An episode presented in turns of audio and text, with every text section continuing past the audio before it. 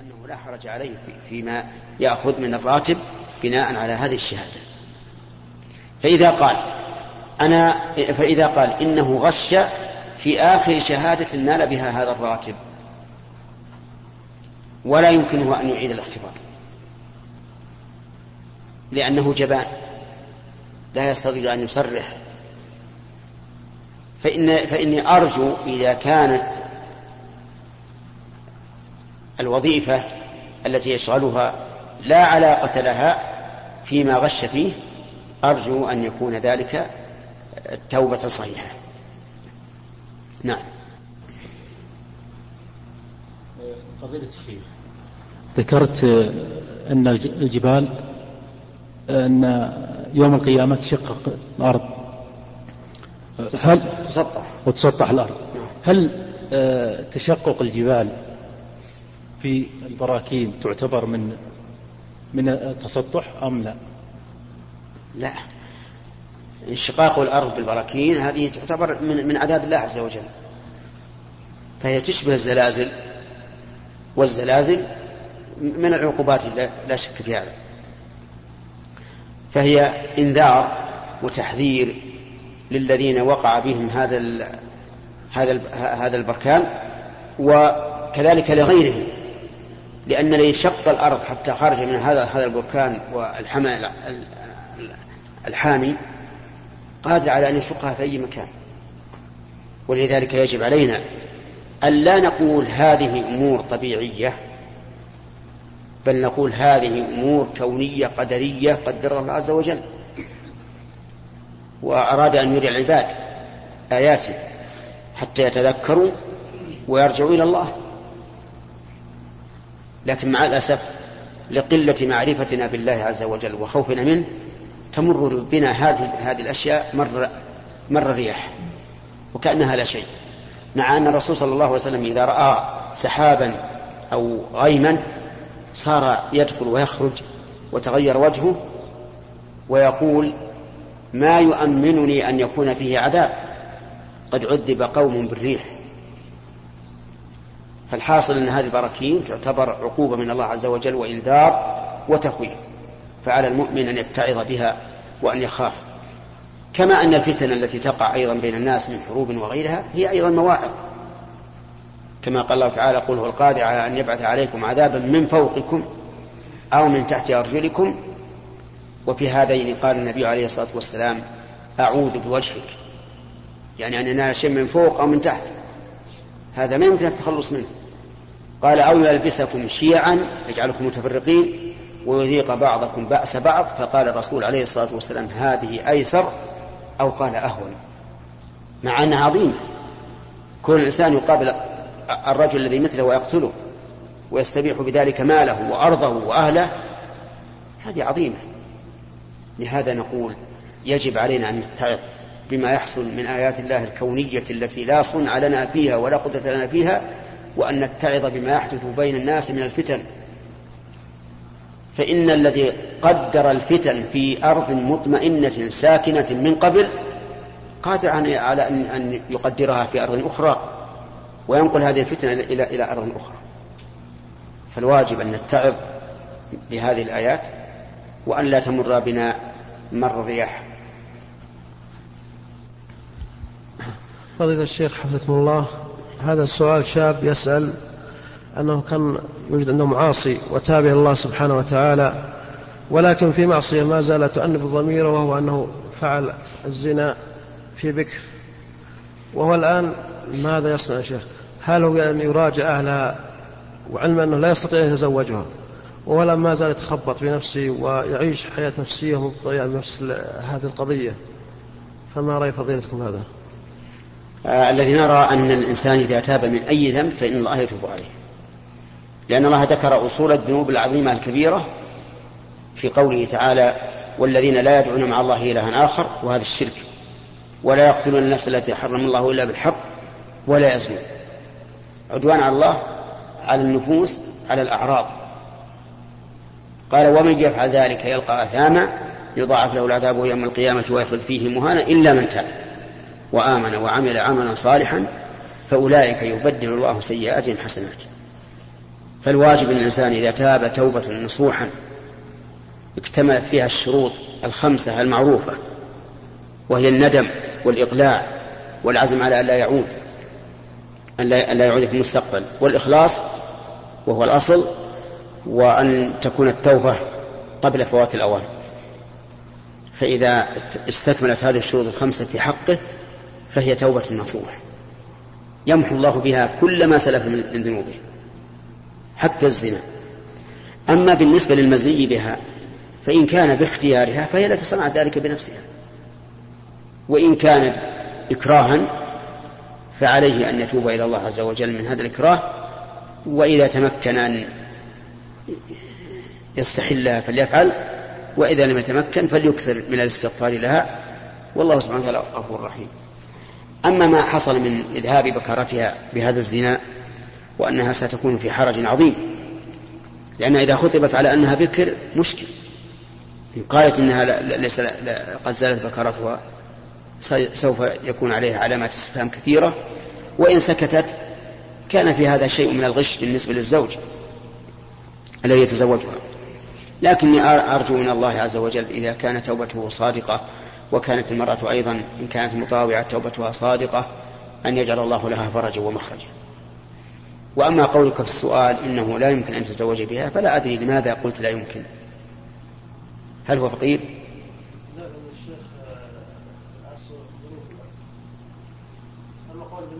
الزواج منها لسبب اختلاف القبيلة؟ هذا واحد. رفض الأب من الزواج من هذه العائلة. إيش؟ الأب مصر على الرفض. وكذلك علاقة العائلة بالقبيلة تختلف عن قبيلتهم. بالنسبة للنسب. على كل حال إذا إذا تيسر أن يتزوج بها فهذا المطلوب. وإن لم يتيسر فسيجعل الله لها فرجا ومخرجا ما دامت توبتها صادقة لأن الله تعالى قال ومن يتق الله يجعل له مخرجا. وهذا عام.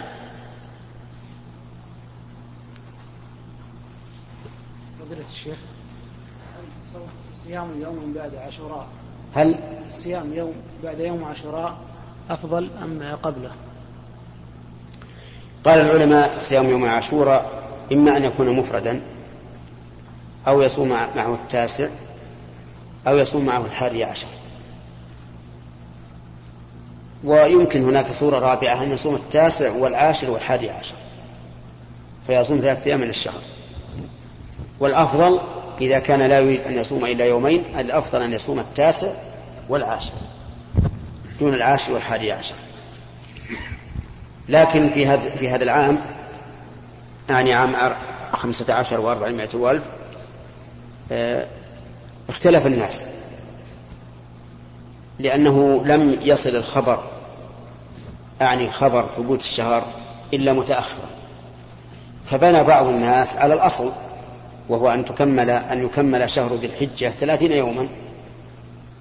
وقال إن اليوم العاشر هو اليوم هو, هو يوم الاثنين. فصام الأحد والاثنين.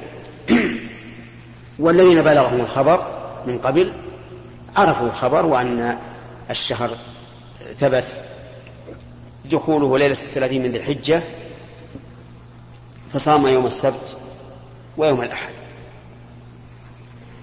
وبهذه المناسبة أود أن أبين أنه قد ورد في حديث أخرجه أبو داود أن النبي صلى الله عليه وعلى آله وسلم قال لا تصوموا يوم السبت إلا فيما افترض عليكم وإن لم يجد أحدكم إلا لحاء شجرة أو عود عنب فليمضغه فهذا الحديث قال أبو داود إن مالكا رحمه الله وهو مالك بن أنس الإمام المشهور قال إن هذا الحديث كذب يعني مكتوب على الرسول عليه الصلاة والسلام لا يصح. والحقيقة من تأمل الحديث وجد أن فيه اضطرابا في سنده وفيه شذوذ أو نكارة في متنه. أما الاضطراب في سنده فقد تكلم عليه أهل العلم ومن شاء أن يراجعه فليراجعه. وأما الشذوذ في متنه والنكارة فهو أن أنه ثبت عن النبي عليه الصلاة والسلام فيما رواه البخاري في صحيحه أن النبي صلى الله عليه وعلى آله وسلم دخل على جويرية بنت حارث فقالت إنها صائمة. فقال أصمت أمس؟ قالت لا. قال أتصومين غدا؟ قالت لا. قال فأفطري. ومعلوم أن الغد من يوم الجمعة يكون يوم السبت. فهذا قول الرسول عليه الصلاة والسلام في فيما رواه البخاري أنه أذن في صوم يوم السبت. وكذلك ما رواه أهل السنن عن أم سلمة رضي الله عنها أنها سئلت ما هي أكثر الأيام التي كان الرسول يصومها؟ قالت يوم السبت ويوم الأحد. يوم السبت ويوم الأحد. فثبت من سنة الرسول عليه الصلاة والسلام القولية والفعلية أن يوم السبت لا أن صوم يوم السبت ليس حراما. والعلماء مختلفون في في هذا الحديث في العمل به فمنهم من قال إنه لا يعمل به اطلاقا وأن صوم يوم السبت لا بأس به سواء أفرد أم لم يفرد. لأن الحديث لا يصح والحديث الذي لا يصح لا تبنى لا يبنى عليه حكم من الأحكام. ومنهم من صحح الحديث أو حسن الحديث وقال إن الجمع بينه وبين الأحاديث الأخرى أن المنهي عنه إفراده فقط يعني أن يفرده دون الجمعة والأحد. وهذا ما ذهب إليه الإمام أحمد رحمه الله. فقال إذا صام مع يوم السبت يوما آخر فلا بأس. كأن يصوم معه الجمعة أو يصوم معه السبت. وكذلك نقول إذا صادف يوم السبت يوما يشرع صومه كيوم عرفة ويوم العاشر من شهر محرم فإنه لا يكره صومه. لأن المراد أن, أن تصومه لأنه يوم السبت. أي تصومه بعينه لا بما صادفه من الأيام التي يشرع صومها. نبهت على ذلك لأن بعض الإخوة سمعت أن أناسا صاموا يوم السبت ليصوموا التاسع والعاشر فأمرهم أن يفطروا. وهذا في الحقيقة مجتهد لكن ليس كل مجتهد مصيبا.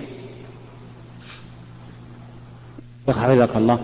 ذكرت في في مقدمة الآيات في قضية الكرة الأرضية إن الإنسان إذا اتجه بجهة الغرب يعني يأتي من جهة المشرق وبالعكس أيضا. كيف ذلك؟ استأجر طائرة من الطائرات. نعم. وسر عليها على هذا الاتجاه هذا هذا شيء مؤكد يعني. وقد تكلم العلماء رحمهم الله قديما كابن حزم شيخ الإسلام ابن تيمية وغيره على ذلك. وأكدوا ان أن الأرض كروية. هنا نعم. العرش فوق السماوات كالقبة. العرش. لكنه غير كروي. غير كروي. لأن له قوائم. كما أخبر النبي عليه الصلاة والسلام أنه إذا صعق الناس يوم القيامة يكون الرسول أول من صعق أول من يفيق ويرى موسى آخذا بقوائم العرش. فهذا العرش ليس كرويا لكن ما تحت العرش كروي. أي نعم. معروف ما في شك قم من مطار جدة واتجه غربا فإذا بك تحط في مطار جدة إلا إذا كان تبي تنزل للوقود عاد ما ندري. لأخذ الوقود للطائرة يعني. بسم الله والحمد لله والصلاة والسلام على رسول الله فضيلة الشيخ. يقول الله عز وجل في سورة هود فأما الذين شقوا ففي النار خالدين فيها ما لهم فيها زفير وشهيق فأما الذين شقوا ففي النار لهم فيها زفير وشهيق لا شيخ سورة هود فأما الذين شقوا في النار خالدين فيها ما دامت السماوات والأرض. لهم فيها زفير وشهيق لهم فيها زفير وشهيق خالدين فيها ما وأما الذين فأما الذين شقوا في النار خالدين فيها لهم لهم زفير وشهيق. طيب قل, قل قال الله تعالى في أهل النار خالدين فيها ما دامت السماوات والأرض. قول الله عز وجل في سورة هود لأهل, لأهل النار خالدين فيها ما دامت السماوات والأرض إلا ما شاء ربك أن, إن ربك فعال لما يريد. وقال في الآية التي بعدها وأما الذين سعدوا في الجنة خالدين فيها إلا ما شاء ربك إلا ما شاء ربك إن ربك عطاء غير مجدود ما المقصود وما المراد في قول في المشيئة هنا في أهل الجنة؟ المراد يعني معناه أنهم خالدين فيها ما دامت السماوات والأرض إلا ما شاء ربك فيما زاد على ذلك. لأن لأنه لو لم يأتي هذا الاستثناء وقال ما دامت السماوات والأرض لتوهم واهم بأن مدة بقاء الناس في النار أو بقاء السعداء في الجنة على قدر دوام السماوات والأرض. فلما قال إلا ما شاء ربك صار المعنى يزيدون على ذلك ما شاء الله تعالى أن يزيدوا عليه.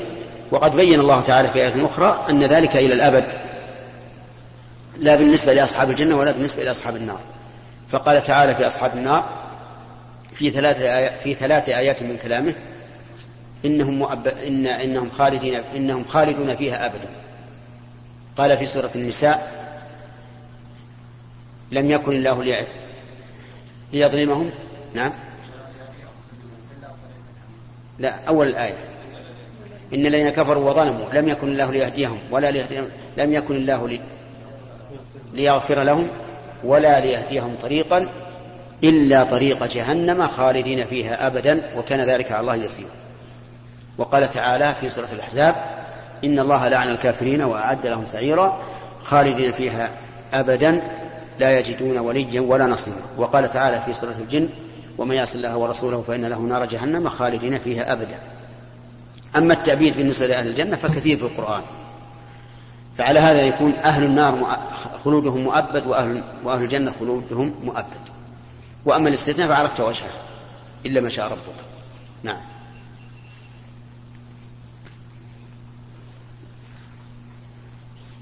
السلام عليكم ورحمة الله السلام ورحمة الله فضيلة الشيخ انتشرت هذه الأيام آلات الصرف الآلي التي توفرها البنوك لعملائها لتسهيل عملية السحب النقدي كما أن هذه الخدمة بدأت تنتشر في المحلات التجارية ومحلات الذهب فهل يجوز الشراء بهذه الطريقة؟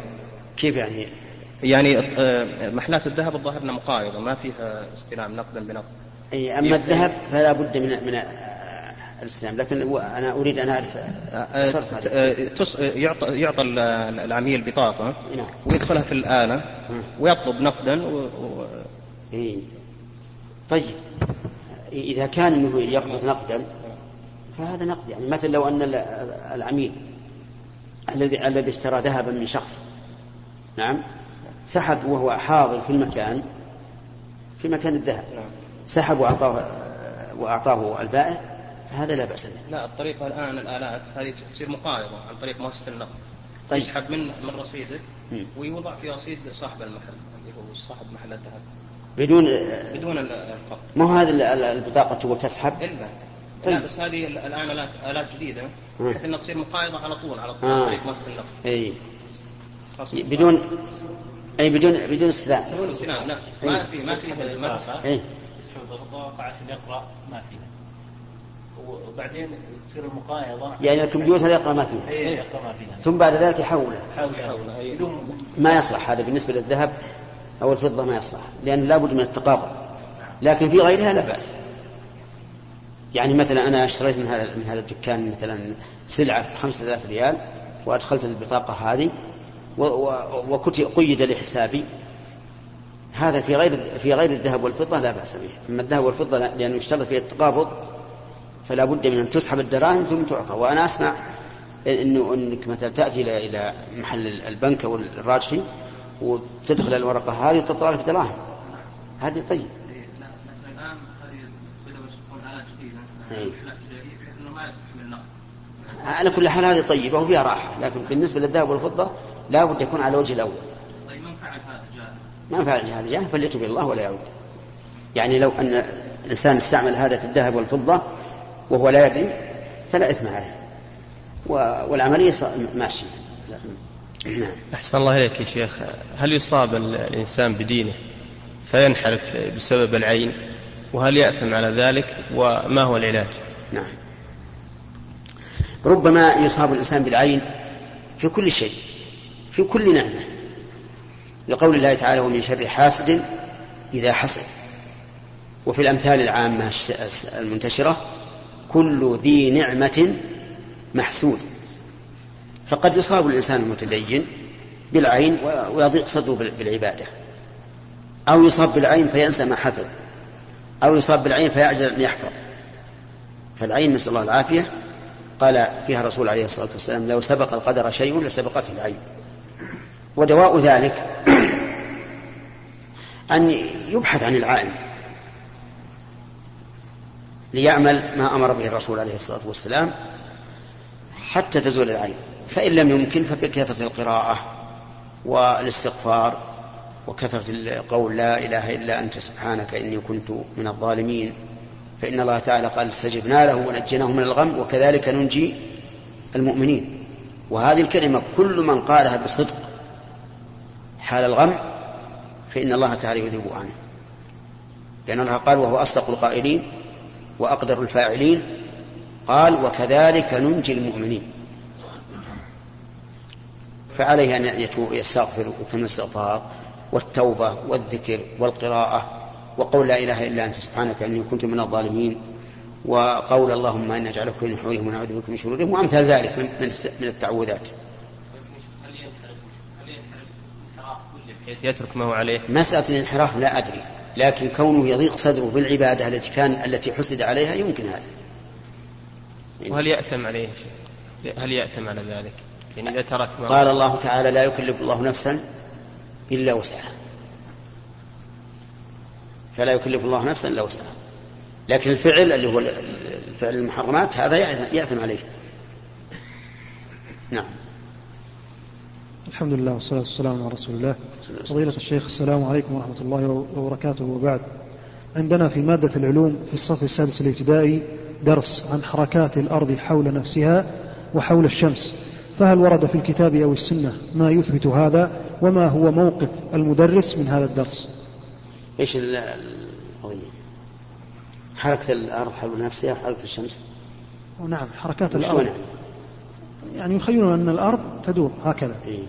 وأن الأرض أيضا كذلك في نفس دورانها تدور حول الشمس. يعني كأنهم قالوا أن الشمس ثابتة والأرض هي التي تدور حولها. نعم. أما كون الأرض تدور أو لا تدور فهذا لا لا لا أعلم شيئا في القرآن أو السنة يؤيده أو يفنده. ما فيها. فيها وألقى في وألقى في الأرض رواسي أن تميد بكم. هذه استدل بها من يقول إن الأرض لا تتحرك ومن يقول إن الأرض تتحرك. كيف هذا؟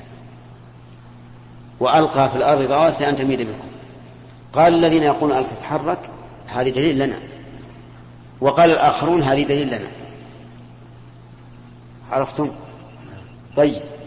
الذين قالوا إنها دليل لنا قالوا إن الله قال أرض ألقى في الأرض رواسي أن تميد بكم. إذا لا تتحرك. وقال الآخرون ألقى في الأرض رواسي أن تميد بنا أي أن تضطرب. ونفي الاضطراب يدل على أصل الحركة. وعلى كل حال أنا أتوقف بهذا. لا أستطيع أن أقول إنها تتحرك أو تدور ولا أقول إنها لا تدور. لأنه لم يثبت عندي في القرآن والسنة أن ذلك كائن أو غير كائن. أما بالنسبة للشمس فالذي أعتقده إلى الآن أن الشمس هي التي تدور على الأرض وأن اختلاف الليل والنهار يكون بالشمس بجريانها حول الأرض. هذا الذي أعتقده لأن هذا هو ظاهر كلام الله والله عز وجل هو الذي خلق الشمس وهو الذي خلق, خلق الأرض وهو أعلم بها من غيره. قال الله تبارك وتعالى وترى الشمس إذا طلعت تزعور عن كهفهم. فيها ضميران الآن. طلعت يعني الشمس تزاور. أي الشمس. لو كان من الأرض إن, إن, إن طلوع الشمس بدوران الأرض فقال وترى الشمس إذا طلعنا عليها أو إذا إذا طلعت عليها. هي هي تطلع هي تأتينا. إذا طلعت تزاور. وإذا غربت تقرضهم ذات الشمال. إذا غربت ما هي؟ ضمير على من؟ على الشمس. تقرضهم الضمير على الشمس أيضا ذات الشمال. وقال تعالى إني عن سليمان قال إني أحببت حب الخير عن ذكر ربي حتى توارت بالحجاب. توارت إيش؟ الشمس بالحجاب. لو كان لو كان ذلك بدوران الأرض لقلنا لقال حتى توارى عنها أي عن الشمس بالحجاب. وقال تعالى في في ذي القرنين حتى إذا بلغ مغرب مغرب الشمس وجدها تغرب في. ها؟ تغرب هي. تغرب في عين حمئة يعني في البحر. وقال النبي عليه الصلاة والسلام لأبي ذر حين غربت الشمس يا أبا ذر أتدري أين تذهب؟ قال الله ورسوله أعلم. أتدري أين تذهب؟ لو كان لو كان ذلك بدوار الأرض لقال أين نذهب عنها؟ أين تذهب؟ قال الله ورسوله أعلم. قال فإنها تذهب فتسجد تحت العرش فتستأذن الله عز وجل. أتطلع؟ أو لا. فإن فإن أذن لها وإلا قيل ارجعي من حيث جئت فترجع تخرج من المغرب. كل هذه الضمائر تعود على الشمس. والذي والذي قال ذلك هو الله عز وجل وهو أعلم بما خلق. ونحن يعجز تعجز عقولنا عن ترك هذا. فما دمنا لم نرى أمرا محسوسا نشهده كما نشهد الشمس على أن اختلاف الليل والنهار بسبب دوران الأرض فإن الواجب علينا أن نأخذ بظاهر القرآن والسنة. هذا الواجب. ولا يجوز أن نأخذ بقول فلان وفلان. إلا إذا رأينا هذا بأعيننا يعني لو فرض أننا أيقنا مثل الشمس أن الليل والنهار يكون يكون تعاقبهما بدوران الأرض. لو تيقنا هذا لقلنا إن الله تعالى خاطب الناس بما يفهمون في ذلك الوقت ويكون طلوع الشمس وغروبها وتزاورها بحسب رؤية الرائي لا باعتبار الواقع. هذا متى نقوله؟ متى؟ يا أخوان إذا علمنا لك حسا بأعيننا لأن لأن نعلم أن القرآن لا يعارض الواقع. أما مجرد أن قالوا كذا نقول كذا؟ هم قالوا إن إن المادة غير مستحدثة غير حادثة. سبحان الله. المادة عندهم لا تفنى ولا ولا ولا تستحدث. طيب معنى من, من خلقها؟ يعني يقولون كلمات. إن يتبعون إلا الظن وأنهم لا يخرصون كل الكون حادث مخلوق. خلقه الله عز وجل من لا شيء. وأما فناؤها فقد قال الله تعالى كل من عليها فان ونحن نشاهد الحطب خشبا فإذا أحرق بالنار صار رمادا تدوه الرياح. وين خلوا راح صار رماد. هل الرماد هذا هو اللي كان خشبا؟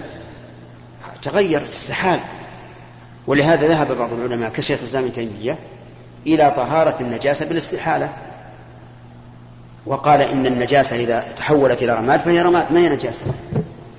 فعلى كل حال هذه مسائل لا ينبغي لنا أن نتابع آراء, آراء من تكلم بها بمجرد, أن يقولوا هكذا. وعندنا وحي منزل من الله عز وجل إلا إذا تبين لنا رأي العين على وجه يمكن أن نتأول الآيات إلى معنى آخر فهذا شيء لا بأس به. بعده موقف المدرس يبين لهم يقول هذا كلامهم أما إحنا نقول الشمس طلعت والشمس غربت والشمس زالت. ما يقدر يرويه وهو مقرر لكن نسأل الله أن الله يستر إنه يبين للناس الأمر على على وجهه. إيه، طيب. هل ترون أن نستمر في الأسبوع الماضي والمقبل واللي وراه يعني ولو ولو كان في اختبارات. ها؟ طيب. لا بأس ما خالف إن شاء الله. لا بأس. لا ما ما اختبارات ما بدأت. أيها الإخوة في ختام هذه المادة. نسأل الله طيب على كل حال لا بأس. في لقاء على فائدة وعلى خير. مع تحيات مؤسسة الاستقامة الإسلامية.